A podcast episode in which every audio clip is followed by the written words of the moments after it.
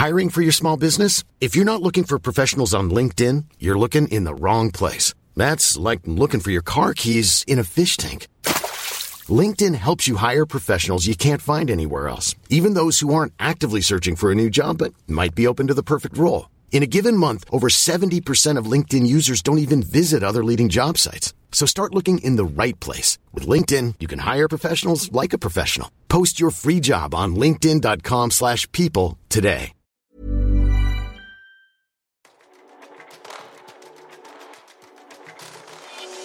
Hei og velkommen til Hans Petter Co., podkasten som tar pulsen på hvordan digitalisering og teknologi påvirker våre liv og næringsliv, og det på godt og vondt.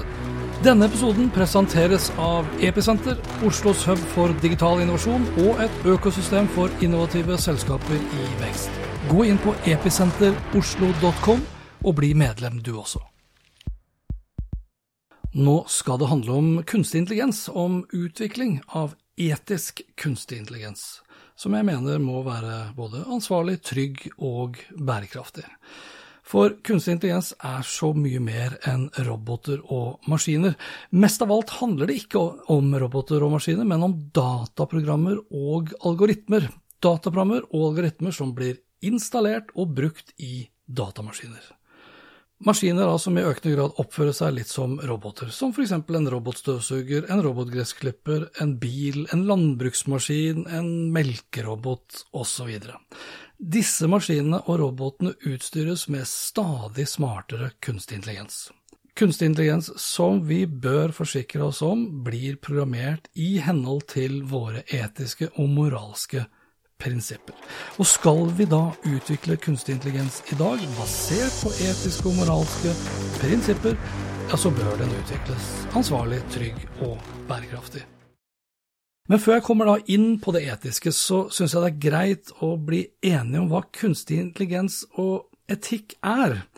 Og begrepene har jo mange definisjoner, men jeg syns spesielt følgende definisjon dekker begrepet kunstig intelligens særs treffende, presist og godt.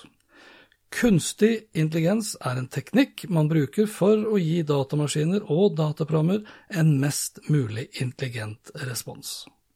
Kort som sagt og konsist, og samtidig tydelig på at dette handler om teknologi. Så var det etikken, da. Her faller jeg da ned på psykolog og biolog Mark D. Hauser, som beskriver vårt etiske kompass slik. Etikk er som fartsdumper i menneskets brutale og bestialske instinkter.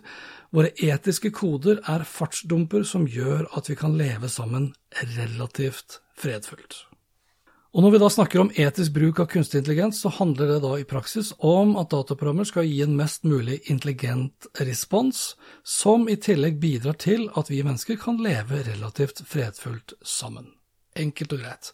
Og Av samme grunn så snakker mange om at utviklingen av kunstig intelligens må være ansvarlig, trygg og bærekraftig. Og med bærekraftig så handler det da om å være til det beste for økonomien, til det beste for samfunnet, og til det beste for miljøet, og da i et globalt perspektiv.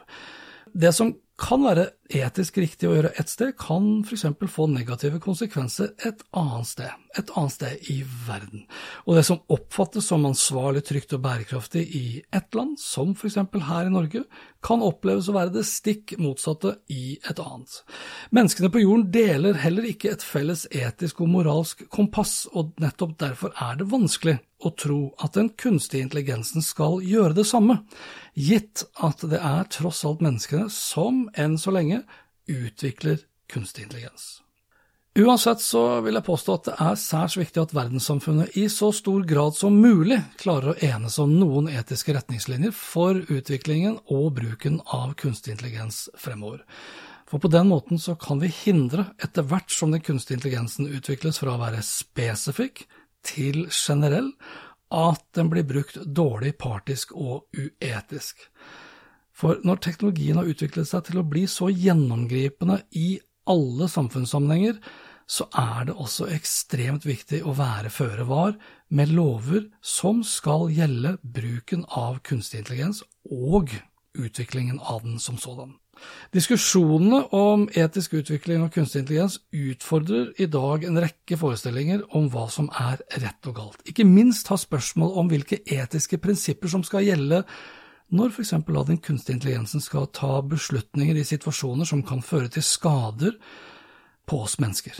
Situasjoner som f.eks. handler om autonome biler, og om valget mellom å skade passasjerene i bilen eller andre trafikanter, hvis beslutningen uansett vil føre til menneskelige skader. Imagine the softest sheets you've ever felt. Now imagine them getting even softer over time. That's what you'll feel with Bowl and Branch's organic cotton sheets. In a recent customer survey, 96% replied that Bowl and Branch sheets get softer with every wash. Start getting your best night's sleep in these sheets that get softer and softer for years to come. Try their sheets with a 30-night guarantee. Plus, get 15% off your first order at bowlandbranch.com. Code BUTTERY. Exclusions apply. See site for details. When you make decisions for your company, you look for the no-brainers. And if you have a lot of mailing to do, stamps.com is the ultimate no-brainer. It streamlines your processes to make your business more efficient, which makes you less busy. Mail checks, invoices, legal documents, and everything you need to keep your business running with stamps.com. Seamlessly connect with every major marketplace and shopping cart. Schedule package pickups and see your cheapest and fastest shipping options from different carriers with rates up to 89% off USPS and UPS rates. And with the stamps.com mobile app, you can take care of mailing and shipping wherever you are. Make the same no-brainer decision as over 1 million other businesses with stamps.com. Sign up with code program for a 4-week trial plus free postage and a free digital scale. No long-term commitments or contracts. That's stamps.com. Code program. Frem til nå så har derimot de fleste diskusjoner knyttet til etikk og kunstig intelligens handlet om skjevhet, partiskhet, rettferdighet, sikkerhet, åpenhet og ansvarlighet. Om hvordan kunstig intelligens har blitt brukt, f.eks. til å bistå i ansettelser, men endte opp med å kun favorisere hvite menn, fordi det var det mesteparten av datagrunnlaget bestod av. For de av oss som da husker Amazon-caset. Men diskusjonen har også handlet mye om hvordan utviklingen kan benyttes av myndigheter til å drepe eller redde mennesker. Hvordan kunstig intelligens kan skape økonomisk vekst, men også ødelegge finansielle systemer. Og hvordan kunstig intelligens kan gjøre oss mer kunnskapsrike, men også utnyttes til å gjøre oss dummere.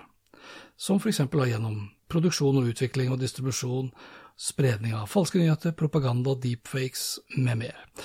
Uavhengig av hvilke utfordringer og muligheter som kunstig intelligens legger til rette for, så er det viktig å huske på at det ikke er teknologien i seg selv som representerer det etiske dilemmaet, men hvordan vi som mennesker og medmennesker velger å ta i bruk teknologien.